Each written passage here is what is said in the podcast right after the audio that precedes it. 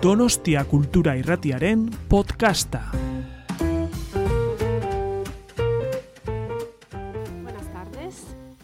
Eh, gracias por estar aquí en una tarde de lluvia y para compartir un ratito para hablar de los agujeros negros. Eh, y antes de todo me presento, me llamo Silvia Bonnelly, soy investigadora astrofísica en la Donostia International Physics Center, investigadora Iker Basque, llevo aquí cinco años, cinco años que el País Vasco me ha acogido.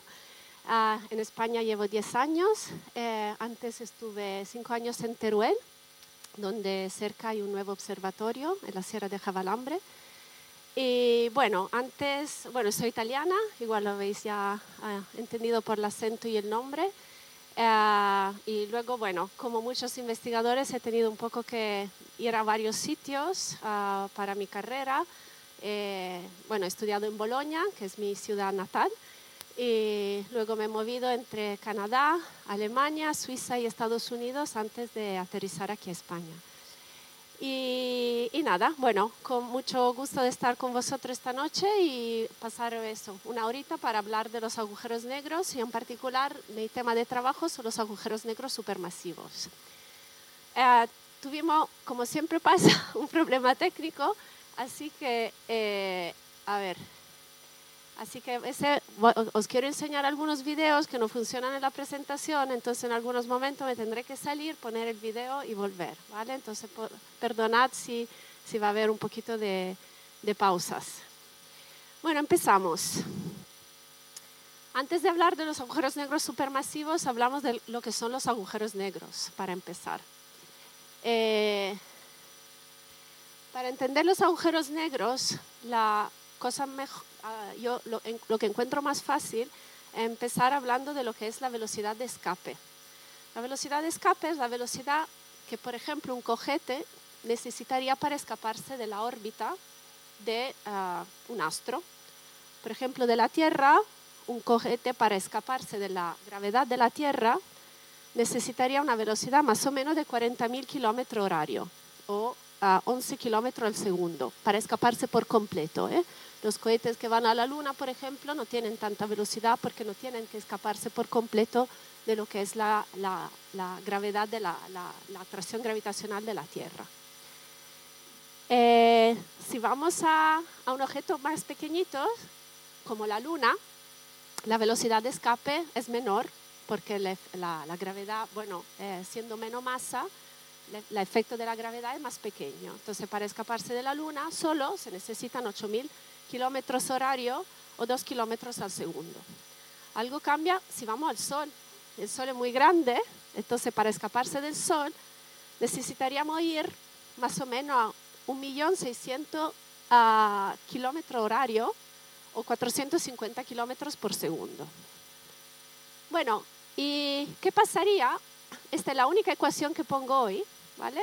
A los que le- les gusta la ecuación es la velocidad de escape depende, perdonadme, de la masa y del radio del astro de los cuales estamos escapando. Cuanto más grande es la masa, cuanto más rápido hay que ir. Pero también necesitamos más velocidad si también el objeto es más concentrado o tiene más densidad.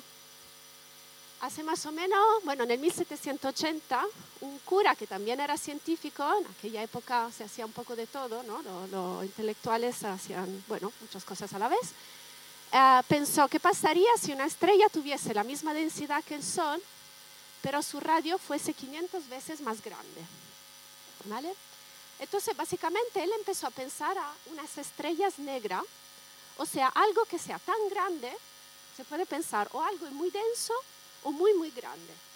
Básicamente algo que para escaparse, si volvemos a la ecuación de antes, necesitaría ir más rápido de la luz. Pero nada, como seguro sabéis, nada puede ir más rápido de la luz. La luz va a 300.000 kilómetros más o menos al segundo.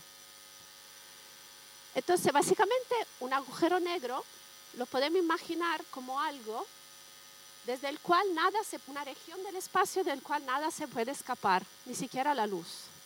O sea, para escaparse de, de él se necesitarían se sería ir a 300.000 kilómetros al segundo, que es más o menos, ay, eso me cuesta decirlo, mil millones de kilómetros horarios. Y básicamente, bueno, si hacemos al revés, podría ser el Sol muy, mucho, mucho más grande, o al revés, podríamos conseguir, para conseguir una densidad, para convertir el Sol en un agujero negro, tendríamos que comprimir el Sol más o menos a una bolita del tamaño de San Sebastián. ¿Vale? Esta sería, si no, la densidad. Se puede jugar un poco entre masa y densidad.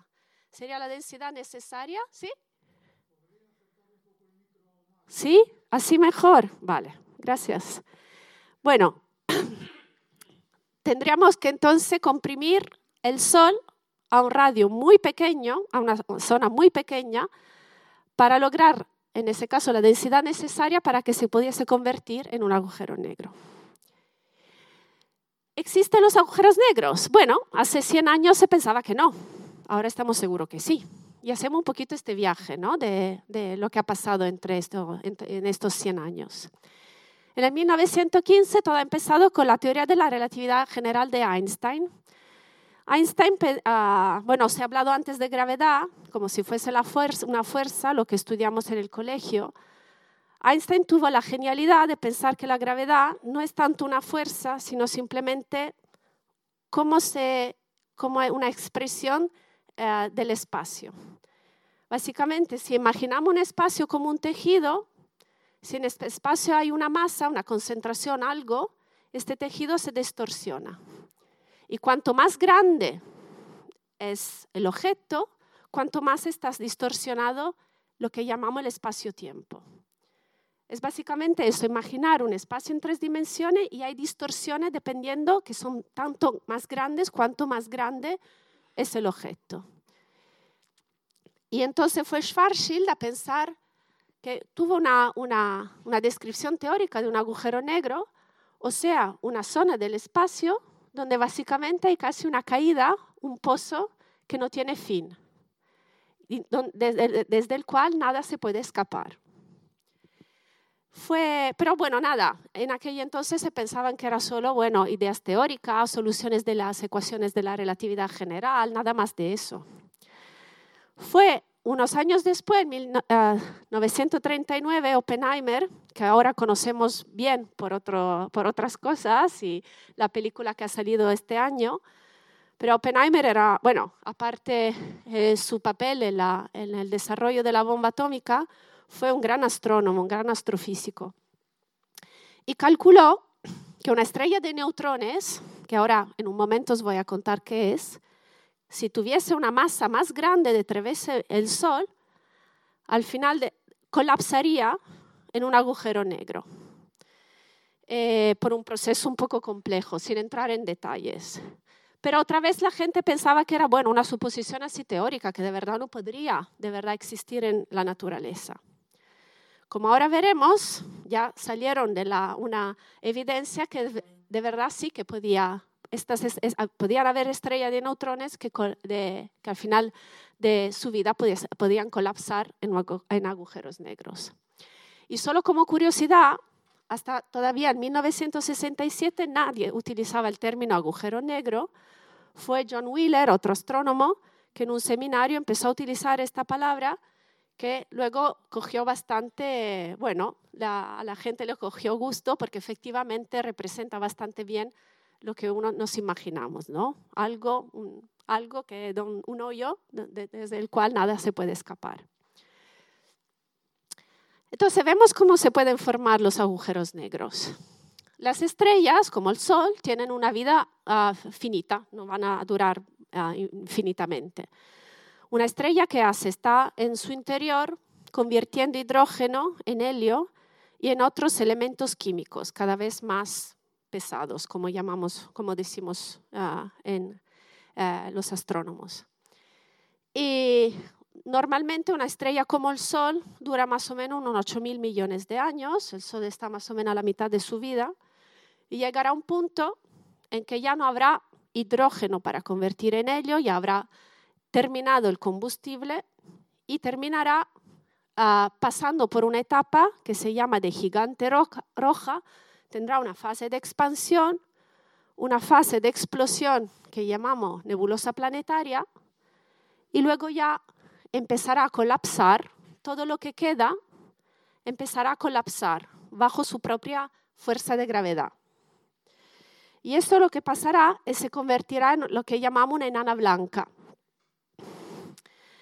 Y os quería aquí enseñar un video. Vamos a poner este. ¿Lo podéis ver? Sí. Este es una representación de una ah, nebulosa planetaria y hay un sonido que ah, representa lo que es la densidad de la materia en, este, en esta imagen. Eso es lo que va a pasar al Sol más o menos en 4.000 millones de años, que se expandirá y luego explotará. Y ahí ya, si, no, si la vida no ha terminado antes, ya terminará en ese momento.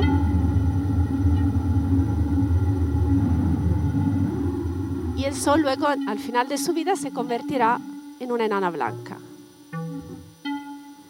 A ver. Si yo quiero empezar de Ahora, no, vuelve del principio. Luego me decís cómo empezar para no volver cada vez. A ver. Ay, aquí me, falta una imagen. Bueno, os la voy a contar. Eh, ¿Qué pasa a una estrella mucho más grande del Sol?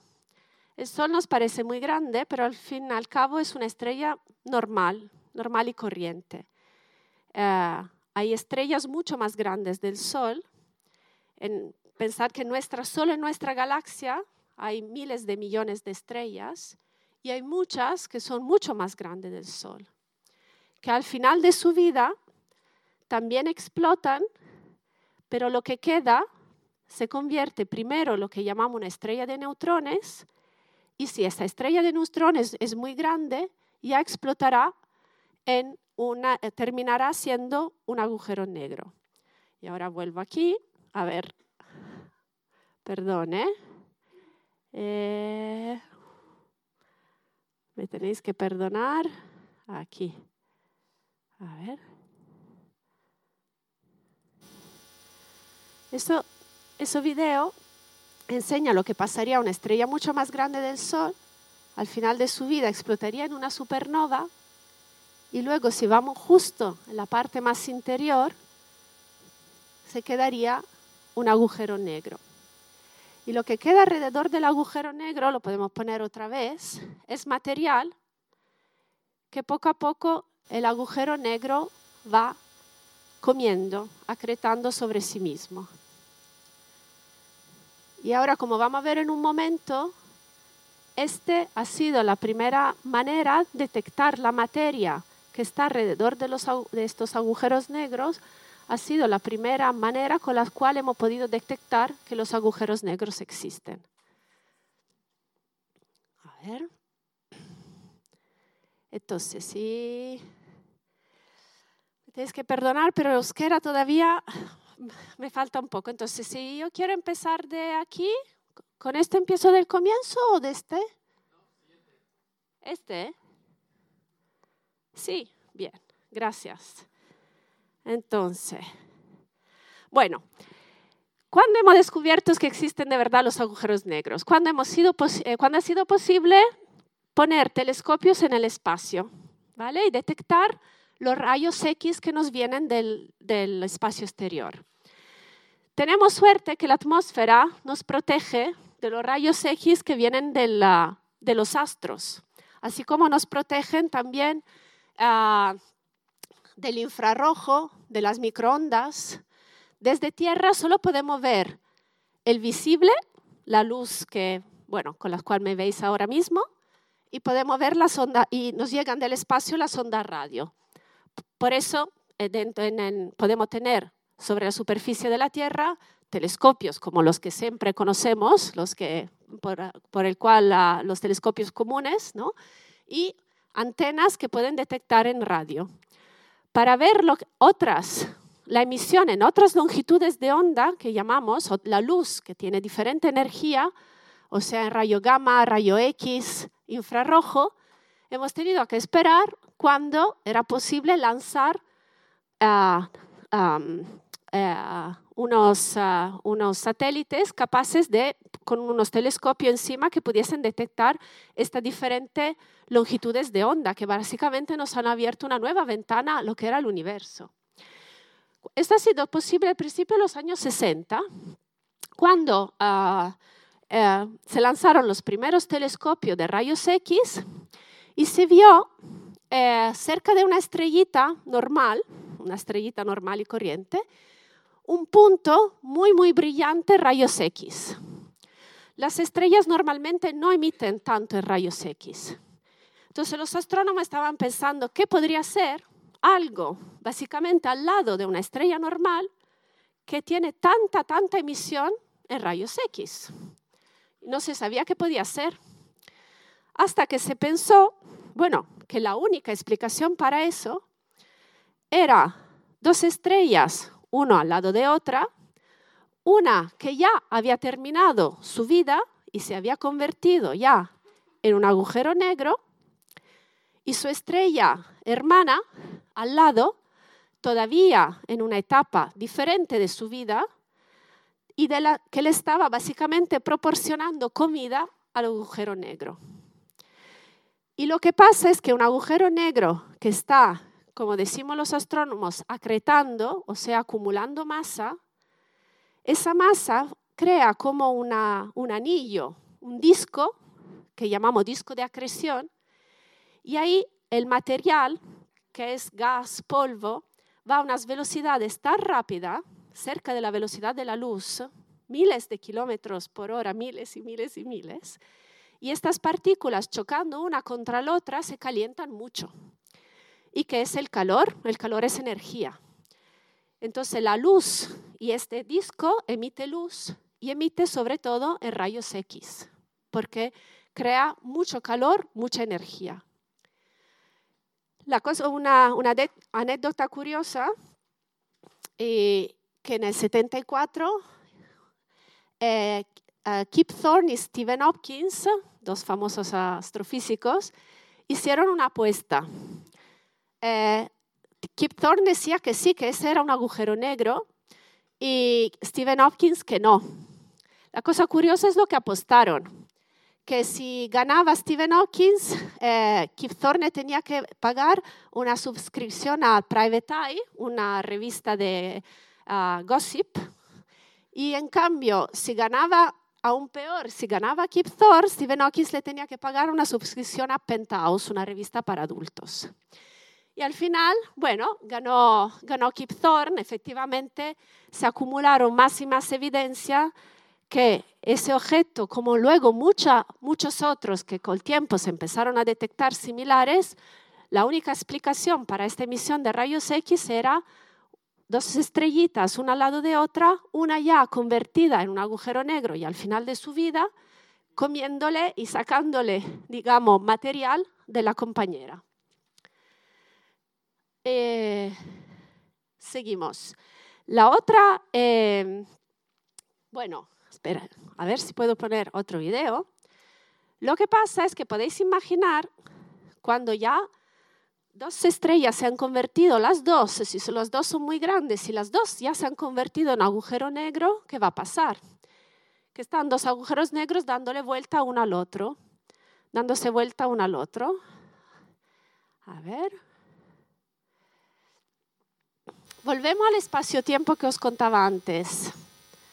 ¿Qué pasaría al espacio como si fuese un lago y si hay dos roquitas dándose vuelta una a la otra? Se crean unas, unas ondas, unas olas, lo ponemos otra vez, y, en ese caso estas ondas son ondas de gravitación, son las que llamamos ondas gravitacionales. ¿Y qué hacen estas ondas? Básicamente hacen una distorsión del espacio. Entonces los astrónomos, hay astrónomos muy, muy inteligentes, pensaron, bueno, podemos detectar lo que es, cómo se cambia el espacio, podríamos detectar estas ondas de, que llegan, si llegan a la Tierra, si hay alguna pareja de agujeros negros que está rodeando una alrededor del otra ahí en el espacio, en nuestra galaxia o en otras galaxias. Y ahí se construyeron los detectores, a ver, a ver, ¿cuál era este? Los detectores de ondas gravitacionales. Eh, y este es el proyecto LIGO Virgo, que igual vosotros habéis escuchado, que hace más en el, uh, se anunció al principio del 2016, justo 100 años después de la formulación de la teoría de la relatividad de Einstein, anunciaron que unos meses antes, en el 2015, se habían detectado por primera vez ondas gravitacionales. Para daros una idea, esto lo que hace, lo que hace ese proyecto, básicamente hay unos, unos túneles vacíos y hay, se lanza un láser de aquí a ahí y vuelta.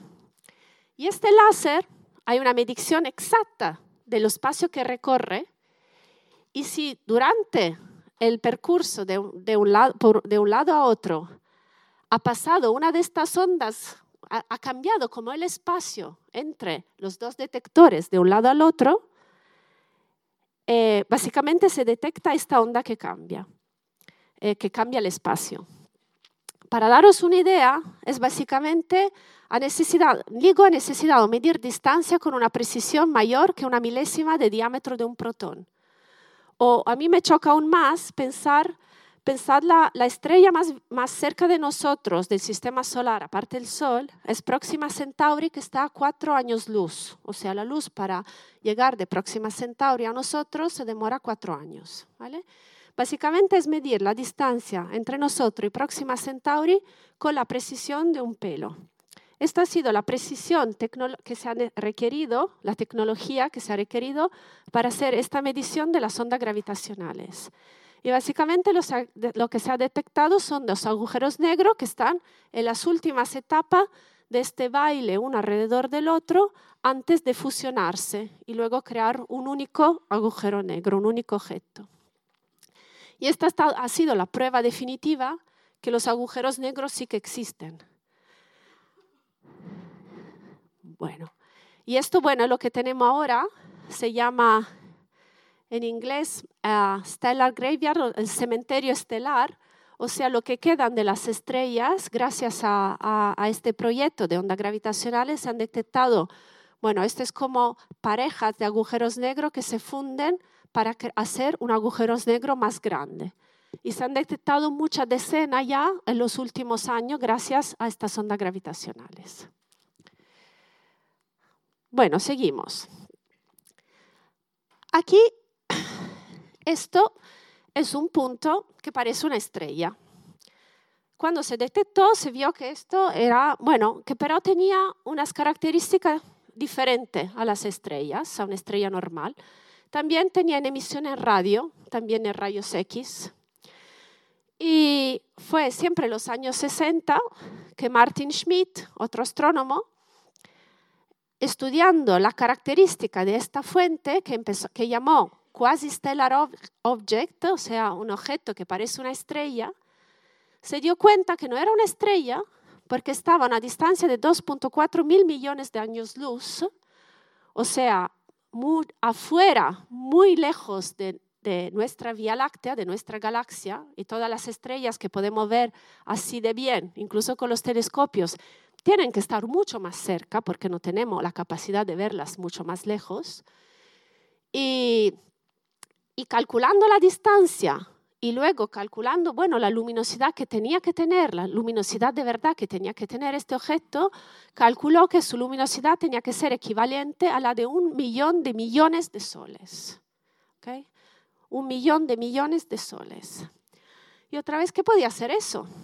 los astrónomos otra vez cuestionando, bueno, cuál podría ser la naturaleza de esta fuente, de esta cosita que parecía una estrella. Otra vez pensando, pensaron que ese podía ser un agujero negro, pero esta vez mucho más grande, otra vez acretando materia. Pero lo calcularon que los agujeros negros tenían que ser millones de veces el tamaño del Sol, no unas pocas veces un Sol, sino millones de veces. Y aquí empezó la ciencia de lo que llamamos núcleos galácticos activos. O sea, galaxias que tienen en su centro, en su núcleo, los que llamamos, y hemos llegado a los super, agujeros negros supermasivos. O sea, agujeros negros que tienen una masa de millones de veces el tamaño del Sol. Entonces, si los agujeros negros que hemos visto hasta ahora llegan a tener, no sé, 4, 8, 10 o 40 veces el tamaño del Sol, con los agujeros negros supermasivos hablamos de millones de veces el tamaño del Sol. Son objetos enormes y afectan las galaxias donde viven. Gracias ahora muchas mediciones sabemos que casi cada galaxia en su centro tiene uno de esos agujeros negros gigantes y son tan potentes que pueden llevar a emitir, a emitir muchísima luz en los rayos X, pero también en onda radio y emitir chorros de partículas que se aceleran por el campo magnético que se genera en este disco que habíamos llamado disco de acreción, y estas partículas están aceleradas a velocidades muy, muy altas que llegan hasta el final de las galaxias donde estos, estos agujeros negros supermasivos viven. Y ahí hemos descubierto entonces que hay otra categoría de agujero negro. Pero hay otra manera también de detectarlos. Y es su,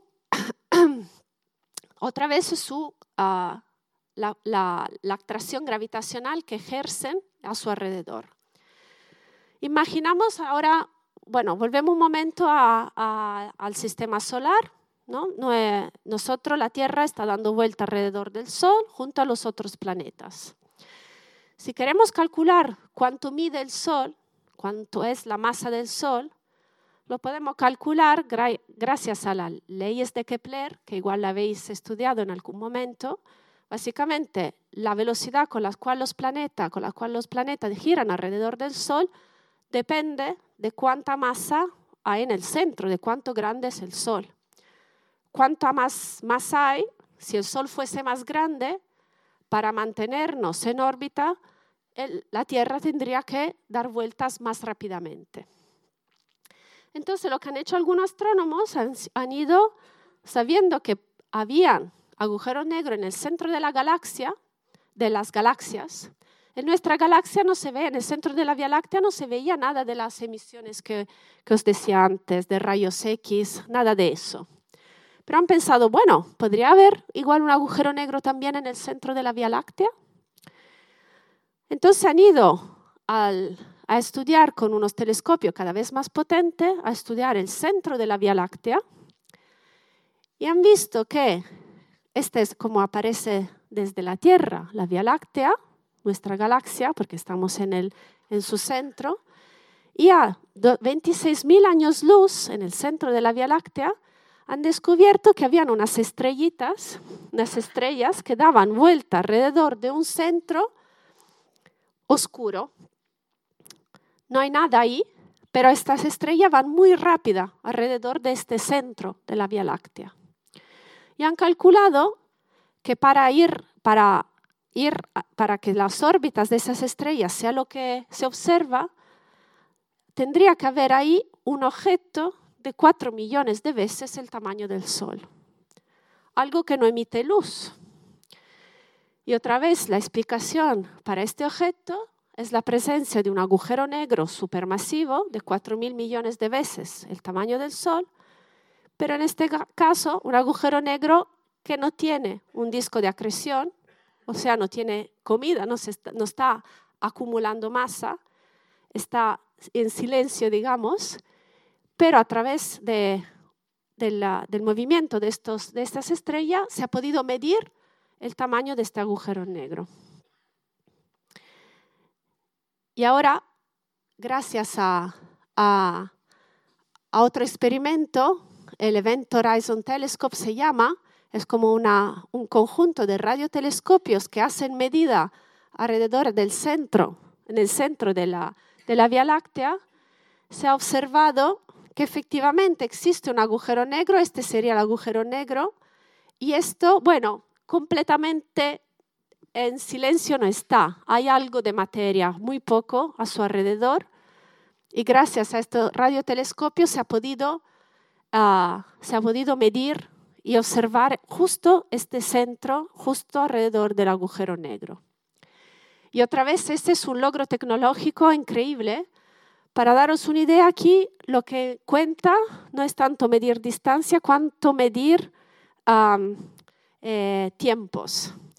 Hay que observar ahí estos, estos diferentes telescopios que tienen que medir y sincronizarse de manera súper precisa y básicamente necesita relojes atómicos con una precisión de un segundo cada 100 millones de años. Y otro, aquí no se ve, perdón, bueno, esa es otra foto de otro agujero negro. Otra manera de, de verlo, perdón que aquí no se vea, pero básicamente sería como poder distinguir, observar una naranja sobre la luna desde la Tierra. Esta es la capacidad de, penetración, digamos, que, tienen este radiotelescopio. Aquí para un segundo y os quiero enseñar un video muy bonito eh, del European Southern Observatory que enseña una... A ver, a ver. Ah, perdón. Aquí. ¿Es este? A ver si es este. No. Bueno, ya que estoy, enseño este. Esto es, bueno, eh, una representación también visual de cómo sería un agujero negro que está acretando. Está el material alrededor y luego hay partículas que están aceleradas a altísimas velocidades y llegan muy, muy lejos. Perdonadme, vamos a ver si encontramos el otro. Eh, pues no lo encuentro. Así que nada. Eh, luego lo buscaré, a ver si lo encuentro después. Igual podemos observar este que también es muy bonito. Y este, eh, eh, cómo se ha llegado a una de estas observaciones de, del centro de, ah, de, otra galaxia que se llama M87 y cómo se ha podido llegar a observar el, ah, el agujero negro en su centro. Y este que más o menos mide a 100 millones de veces el tamaño del Sol. Estas son imágenes reales con telescopio, primero telescopios normales y luego con telescopios de diferentes longitudes de onda hasta radio, hasta llegar justo al centro de esta galaxia y llegar a reconstruir lo que es la materia alrededor de este agujero negro supermasivo. Seguimos.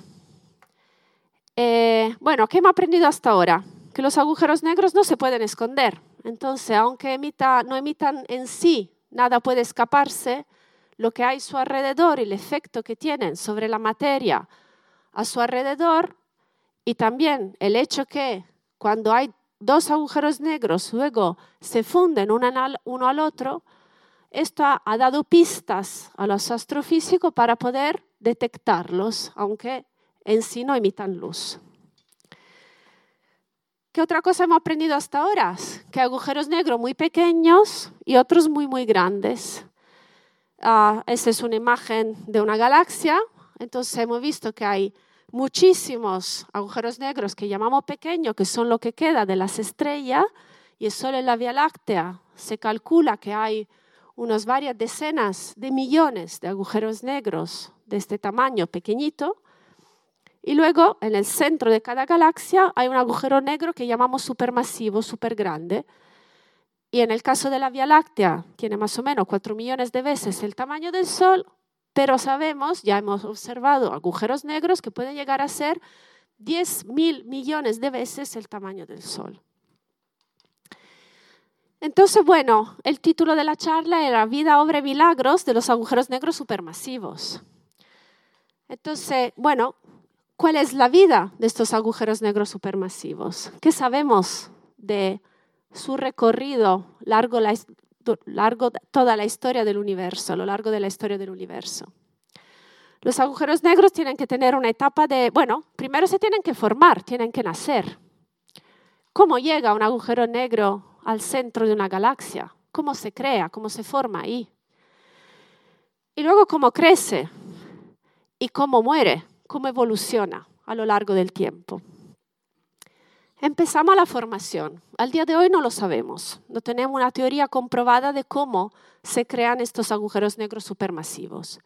Sabemos muy, muy bien que los agujeros negros más pequeños se forman al final de la vida de las estrellas grandes, como hemos visto al principio. Pero estos agujeros negros supermasivos no sabemos de dónde vienen todavía. Hay varias teorías. Hay teorías que dicen, bueno, las primeras estrellas muy probablemente eran mucho más grandes, promedio, entonces puede que alguna, bueno, al final de su vida pudiesen formar un agujero negro igual 100 veces el tamaño del Sol, incluso hasta miles de veces. Pero no llegamos a las millones de veces eh, del tamaño de los agujeros negros que observamos. Uh, quizá podrían ser venir del colapso de muchas estrellas. Al, principio, las primeras galaxias podían tener cúmulos de estrellas que al final de su vida podían colapsar una, una con otra y formar un agujero negro muy grande.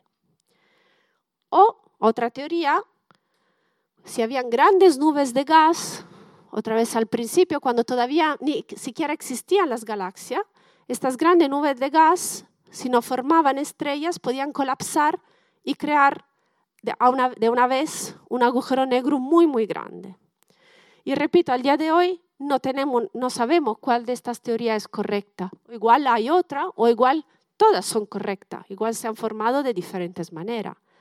Y este es uno de los temas, digamos, de investigación más, más activa actualmente. Y también gracias a telescopio más y más y potente, como el James Webb, del cual igual habéis escuchado que hace no, mucho se ha lanzado y ha empezado a proporcionar imágenes, igual vamos a descubrir, vamos a observar cada vez más lejos, o sea, vamos atrás del tiempo, cuando el universo era muy joven, igual podemos tener algunas pistas sobre los primeros pasos de la formación de, estos agujeros negros gigantes. Este es un ejemplo de trabajo que estamos también haciendo. Ah, ah, luego os contaré un, poquito más. Bueno, unos trabajos teóricos donde queremos estudiar con simulaciones las condiciones del universo al principio de las primeras etapas de su vida para estudiar si habían las condiciones necesarias para alguna de estas teorías que os mencionaba ahora. ¿Cómo crecen? Bueno, ya hemos visto que, eh, que los agujeros negros les gusta, en cuanto hay algo alrededor, lo atrapan, tiene que llegar muy cerca, pero bueno, lo atrapan y empiezan a crecer. Pero no es fácil que le llegue la comida, porque al final, aunque sean grandes, estos agujeros negros están justo en el centro-centro de las galaxias.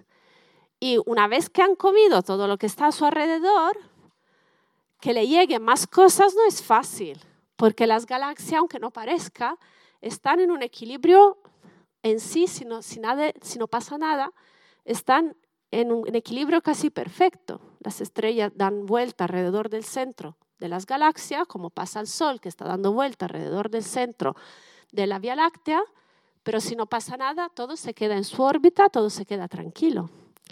Entonces, ¿qué puede pasar para que material caiga desde las afueras hasta el centro de las galaxias y dar, digamos, comida a los agujeros negros que están en el centro. Creemos que, ah, que eso pueda pasar cuando hay fusiones de galaxias, y este es un ejemplo muy bonito. Son dos galaxias que están interactuando una con otra. Ah, eso pasará también a la Vía Láctea, que se está acercando a la galaxia de Andrómeda y tarde o temprano las dos galaxias se van a fusionar. En ese proceso, todo el material se redistribuye, se mezcla y ahí puede pasar que entonces vaya material al centro y le dé, digamos, de comer a los agujeros negros que están en el centro de las galaxias. También hay unos tipos de galaxias que llamamos con barras, o sea, son unas galaxias espirales, así, esos han hecha otra vez por miles de millones de estrellas, y tienen esta estructura y creemos que este tipo de galaxia puedan tener eh, una dinámica tal que estas barras, esa estructura pueda, digamos, proporcionar material al centro y darle de comer a los agujeros negros masivos. Y cómo mueren, o sea, cómo al final, digamos, acaban su vida, aunque no es de verdad acabar la vida, es cambiar vida de otra manera, ¿no? Hemos visto que agujeros negros se pueden fusionar y eso pasa tanto los pequeños como los más grandes. Y, hay un experimento que se está planeando, la, la, Agencia Espacial Europea está planeando este experimento, que es una maravilla, que es lo que os contaba antes, un detector de ondas gravitacionales, pero que va a funcionar en el espacio. Y este va a poder detectar cuando pasan ondas gravitacionales emitidas por dos agujeros negros supermasivos de estos grandes que se están fusionando. Y para poder detectarlo, se necesitan eh, que la distancia eh, entre los láseres sea de 2,5 millones de kilómetros.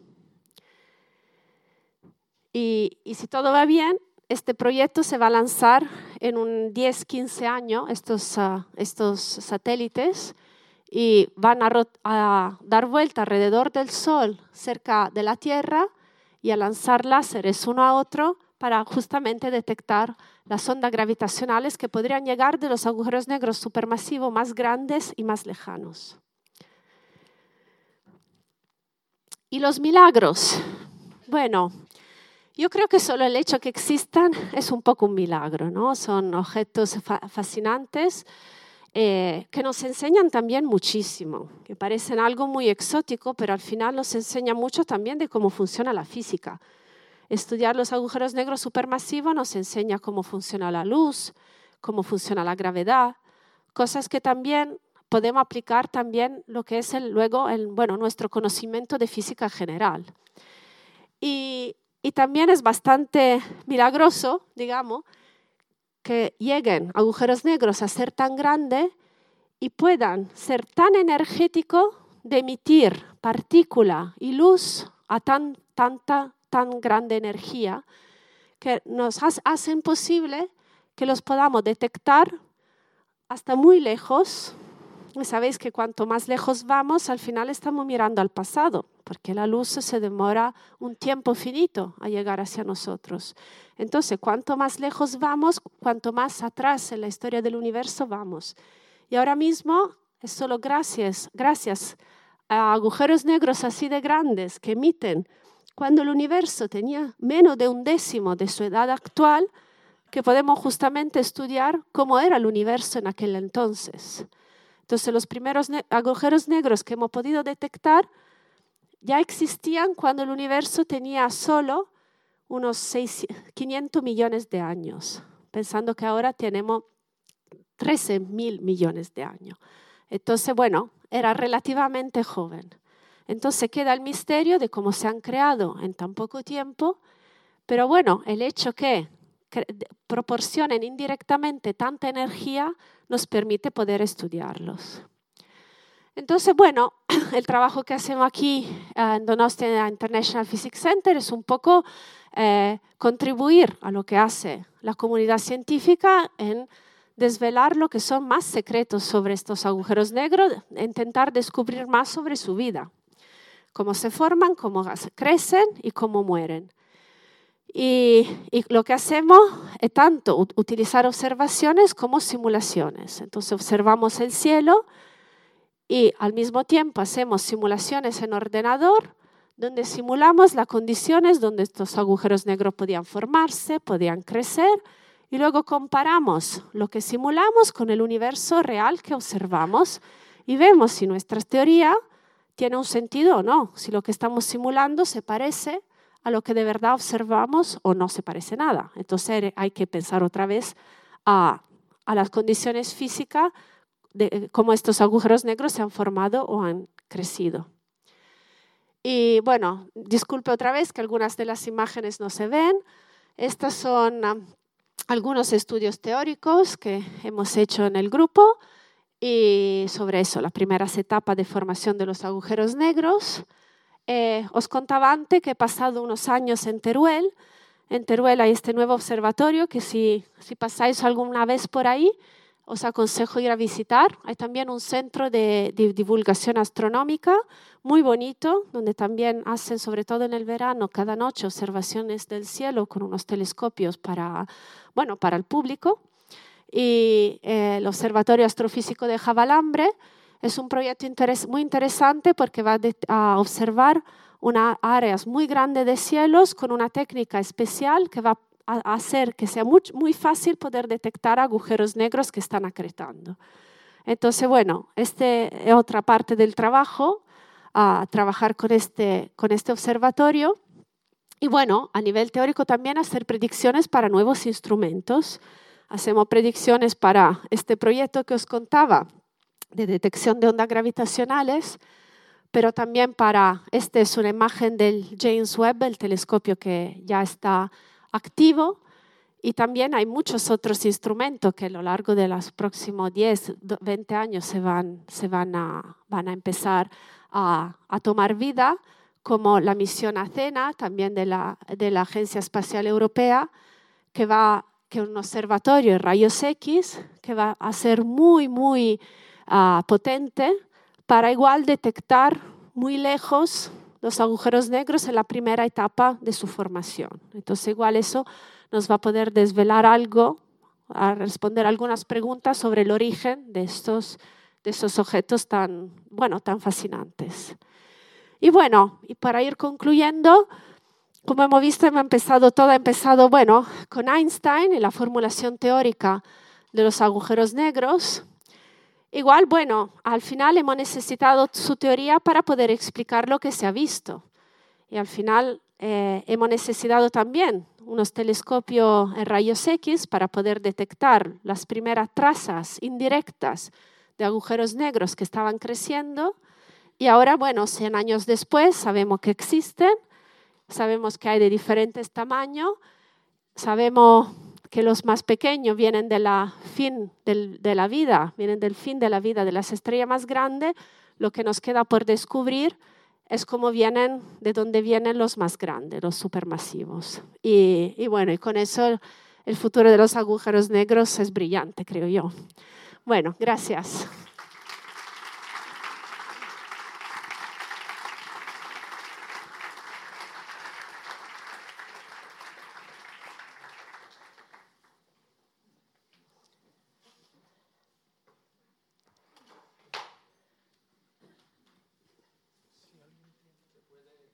Claro. Usted ha dicho que hay agujeros negros que, son, que aparecen muy brillantes, las quasar, quasi-stars, y hay otros que son casi totalmente oscuros. Eh, allá yo no he podido bien seguir lo que usted decía. ¿Cómo es esa enorme diferencia? Es una muy buena pregunta. Al final creemos que los agujeros negros son lo mismos. Más o menos pueden... La única diferencia es si hay algo alrededor o no, si hay materia alrededor o no.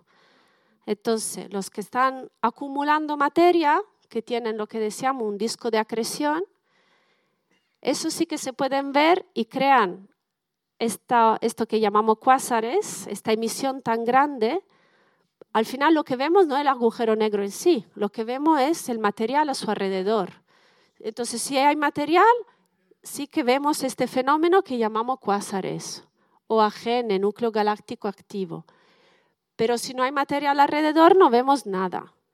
La única manera que se podría ver algo es como pasa en el, para el agujero negro de la Vía Láctea, el grande, que no hay mucha materia alrededor, entonces no emite, pero sí hay unas estrellas cerca y las podemos ver. Pero eso solo lo podemos ver dentro de nuestra galaxia.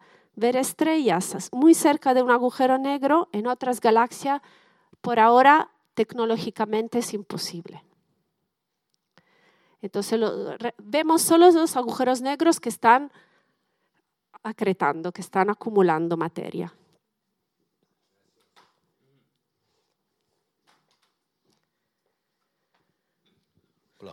Quería hacer una pregunta muy concreta sobre el origen de los agujeros negros supermasivos, que no sé si...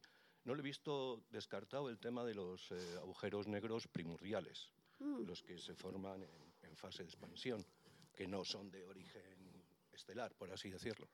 Muy buena pregunta también. Eso, em, bueno, lo- la primera te- etapa de la evolución del universo, en, en muchos detalles, no en algunos, en muchos no se escapan todavía. Pero creemos que, bueno, hubo una etapa en que el universo se expandió muy rápidamente y en esa etapa también si habían imperfecciones, digamos, en, la cantidad de materia, esas imperfecciones se expandían y se hacían cada vez más grandes. Y así es como también, bueno, se han creado estructuras como son galaxias y, y cúmulos de galaxia. En esa etapa puede también haber que se formaron unos agujeros negros que llamamos primordiales. Todavía se queda una teoría. Efectivamente, no está descartado que estos agujeros negros, no le he mencionado, podrían venir, digamos, no de la evolución de estrella o acumulación de materia normal, sino de algo que ha pasado en las primeras etapas del universo. Pero todavía no lo sabemos. No hay ninguna prueba clara ni que, es- que sí que no. O sea que el rango de variabilidad es amplio. Sí. Sí, a ver, el, ah, bueno, para una, pregunta muy buena también. ah, eh, bueno, ya sabemos que el universo está hecho tanto de materia que llamamos normal, que es materia que emite y podemos ver, como de, de la que llamamos materia oscura. O sea, una materia que sabemos que existe porque ejerce gravedad, entonces ah, también un poco indirectamente hemos podido observar, detectar que existe este tipo de materia, pero que no emite luz. Y no sabemos nada de esta materia. Bueno, sabemos cosas, pero no sabemos todavía cuál es su origen. Entonces se ha también pensado que agujeros negros podían formar, ser la materia oscura, pero ya sabemos que mm, va- mm, lo que ahora mismo tenemos como límite, la materia oscura no se puede explicar solo con agujeros negros.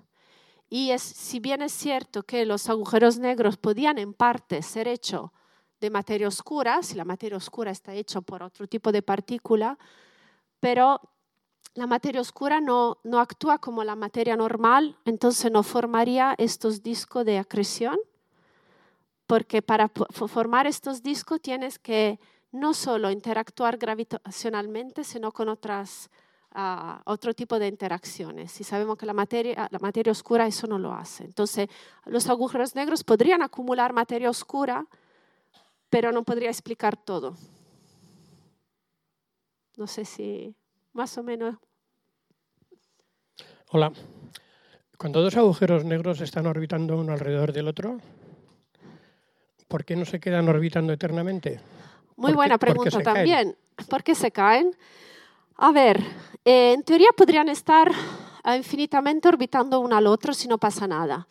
La gravedad es muy tranquila. Si no pasa nada, todo se queda en equilibrio, ¿no? Como eh, tiene que pasar algo. Entonces, en el caso de los agujeros negros supermasivos, bueno, en general, lo que pasa es que si pasa algo alrededor, hay un intercambio de energía y, por ejemplo, si pasa algún otro tipo de materia, o en el caso de los agujeros negros supermasivos muy grandes, si pasa alguna estrella ahí cerca, esa estrella, digamos entre comillas, atrapa algo de la energía orbital de estos agujeros negros, se la lleva y los agujeros negros pierden energía y se acercan uno al otro. Y cuando están muy cerca uno del otro, ya lo que entra es la interacción gravitacional, de la fuerza ya gravitacional de la, ah, de la relatividad general, se explica con la relatividad general y ya se acercan cada vez uno más al otro eh, por, porque la emisión de estas ondas implica también una pérdida de energía, entonces la órbita se hace cada vez más pequeña. Cuando, cuando dos agujeros negros se fusionan, aparte de dejar de emitir ondas gravitacionales, ¿también emiten algún otro tipo de partícula o de algún otro efecto o algo? Eh, a ver, hay una, una etapa en que siguen emitiendo algo de ondas gravitacionales antes que no se digamos, tranquilice todo. Hay una fase de estabilización en que se emiten ondas gravitacionales y partículas creo que se emiten solo si hay material alrededor. Si no hay nada alrededor, no, se, no, hay, no, sé, no, no hay ningún tipo de emisión. No hay, no hay ningún tipo de explosión o de... No, no, no. Que yo sepa, no. Me podría equivocar, ¿eh? Ay, muy bien. A ver, muy buena pregunta. Este es otro misterio y no lo he comentado. Gracias. A ver, hay agujeros negros.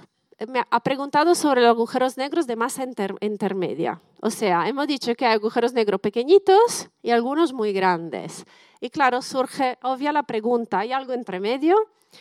Y, y esta es una búsqueda que también se está empezando. Y, y al día de hoy no hay mucha evidencia. Creemos que sí que hay y probablemente eran los primeros agujeros negros, lo que eran que llamamos las semillas de lo que luego iban a, cre- a crecer para ser los agujeros negros supermasivos. Entonces igual existían en las primeras etapas de la formación de la galaxia estos agujeros negros de masa intermedia. Y luego básicamente han sido creciendo para llegar a ser los tan grandes que vemos ahora.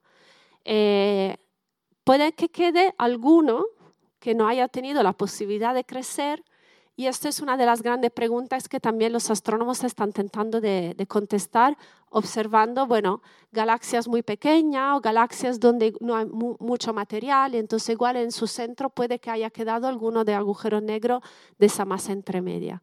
Pero al día de hoy hay algunos de, bueno, hay alguna evidencia de alguno, de algunos, pero muy poco. Gracias.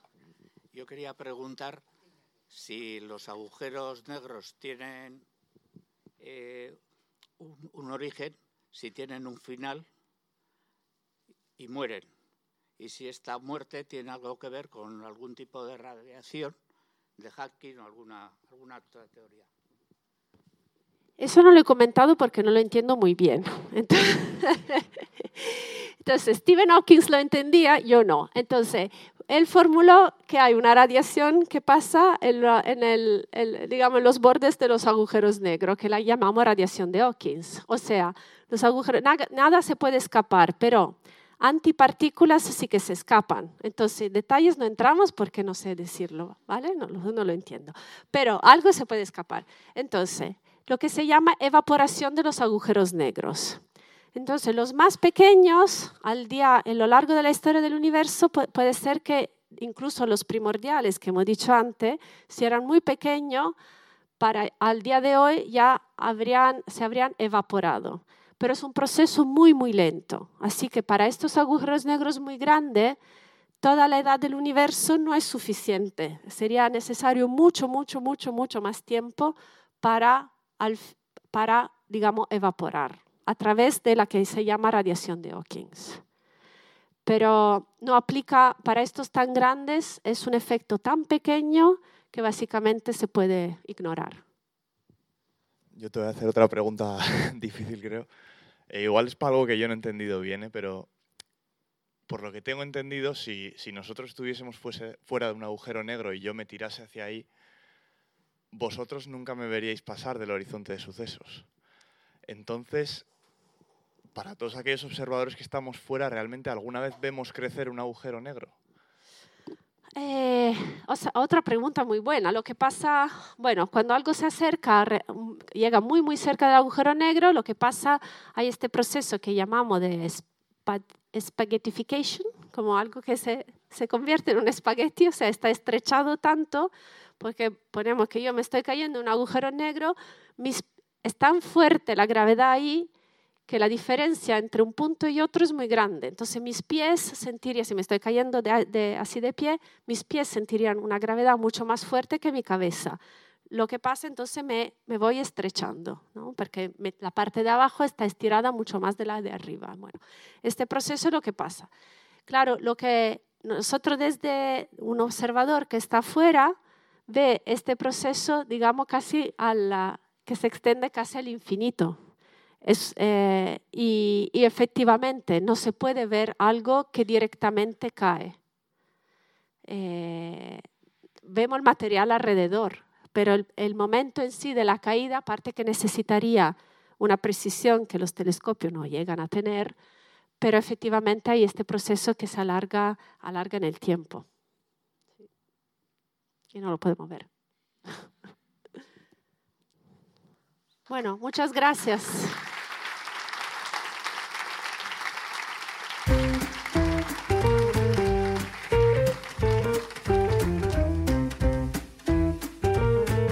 Donostia Kultura Irratiaren podcasta.